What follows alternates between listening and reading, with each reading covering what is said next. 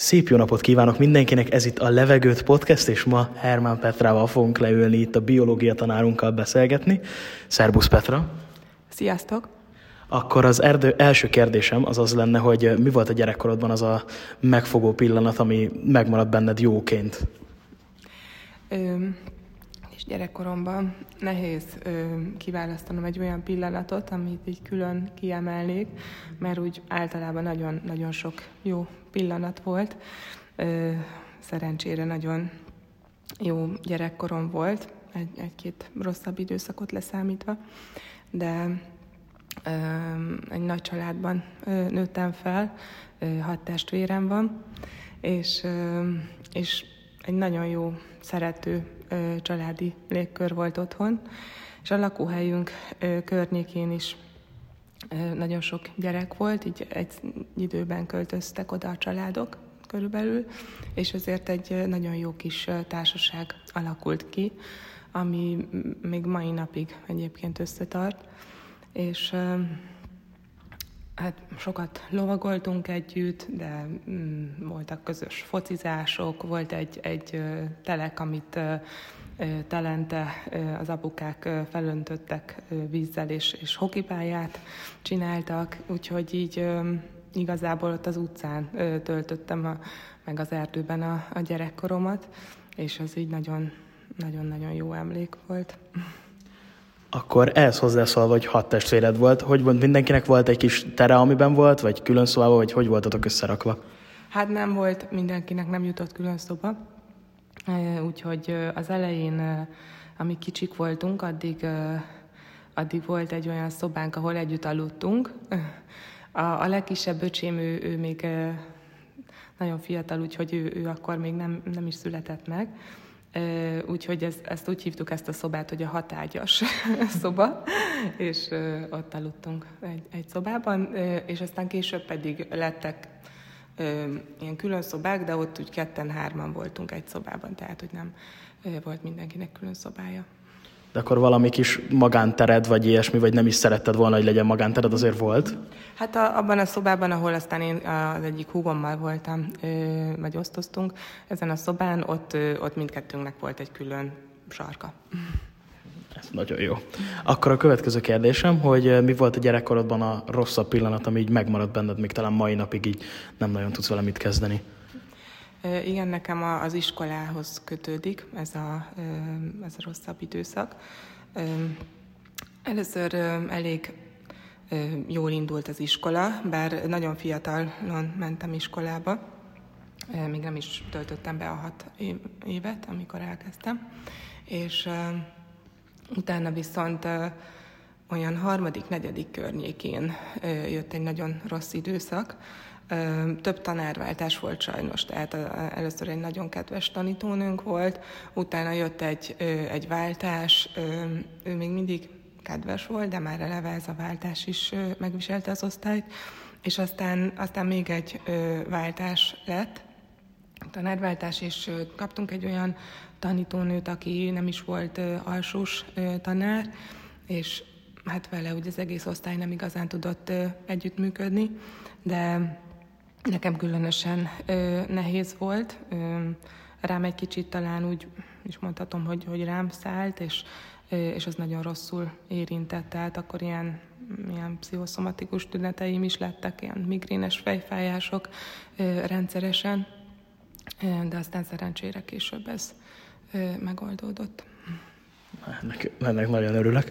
Akkor áttérünk a tinédzser korodra, ami körülbelül hogy mondjuk, nem tudom, ilyen 12 körül 20-ig, vagy valahogy így kb. befogólag. Ott mi voltak ilyen nagyon jó emlékek? Első barát, vagy valami ilyesmi? Ö, nagyon jó emlék volt nekem a gimnázium alatt egy, egy csoport, ahova jártam. Ez a Móricz Zsigmond Giminek a kiránduló csoportja volt, a Laukon csoport és hát az volt a, a jelszava ennek a csoportnak, hogy hülyék vagyunk, de jól esik, és minden második hétvégén kora reggel, hatkor találkoztunk valamelyik vasútállomáson, és mentünk valahova az országba kirándulni, vagy barlangászni, sziklát mászni, volt, hogy a Tátrába mentünk túrázni, és nagyon jó társaság volt, és, és nagyon-nagyon jó élményeket szereztem ebben a csapatban. Nyáron meg címerező táborba mentünk együtt, együtt dolgoztunk, úgyhogy ez, ez nagyon meghatározó élménye volt a gimis időszakomnak. Nagyon jó. Akkor mi lehetett ilyen rosszabb időszakod a gimnáziumban? Tehát, hogy valami, ami még szintén úgy megmaradt benned, vagy valami ilyesmi? Hát gondolkodtam sokat ezen, hogy, hogy mi, mi az, ami a legrosszabb. És hát volt egy nagyon, nagyon rossz élmény. Nekem volt egy lovam, a Daphne, akihez tényleg így nagyon-nagyon közel állt hozzám lelkileg. Tehát olyan tíz, tíz éves voltam, amikor megkaptam, és ö, 15 éves koromban halt meg, és, és ez egy nagyon, nagyon rossz élmény volt. Tehát mondjuk volt már egy mm, előjele, hogy előtte is kapott bélcsavarodást, akkor megműtötték, és akkor jól volt még egy ideig, de utána mm, aztán kapott még, még egy bélcsavarodást, és akkor ez az egész, ahogy be kellett vinni őt a kórházba, beszállítani, útközben már elesett a, a lószállítóban, nem tudott fölállni, akkor ki kellett húzni onnan. Uh, ahogy, ahogy kihúztuk, akkor nagyon-nagyon megsérült a lába, és, uh, és akkor belenyúlt az állatorvos, és uh, azt mondta, hogy már ilyen vékony bél darabok vannak um, a, ugye a hátsó bél szakaszban is, úgyhogy, úgyhogy most rögtön el kell altatni. És hát ez, ez egy nagyon-nagyon szomorú és szörnyű emlék. Sok embernek kötődik házi kedvenchez, vagy hát ugye lóhoz ez a dolog. Mi szerettél volna lenni tinédzser korodban, vagy mi volt a nagy álmod, hogy te majd mivel fogsz felnőni? Hát pontosan, hogy hány éves koromban, azt, azt nehezen tudom megmondani, de, de egy ideig nagyon érdekelt az, hogy nyomozó legyek. Szerettem az ilyen bűnügyi könyveket, filmeket, és komolyan foglalkoztatott ez, hogy, hogy szeretnék nyomozó lenni, mert nagyon szerettem az ilyen rejtvényeket, meg az ilyen izgalmas helyzeteket. Aztán, aztán ahogy készültem az egyetemre, a biológia az, az nagyon-nagyon érdekelt, így már egyetemista koromban is volt egy nagyon jó biológia tanárom, és,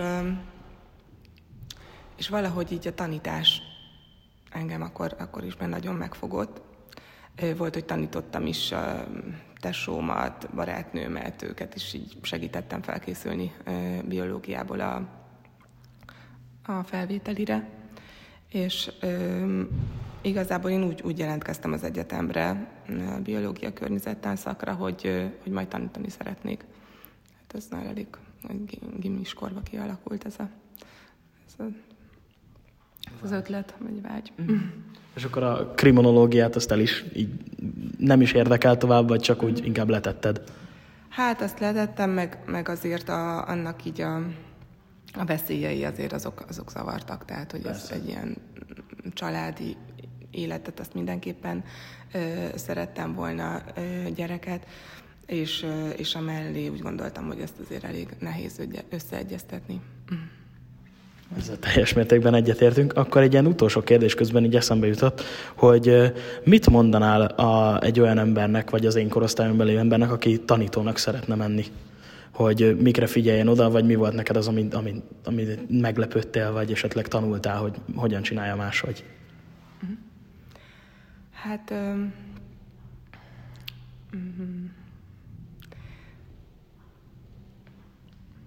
Jól meglettelek a kérdéssel, tudom, sajnálom.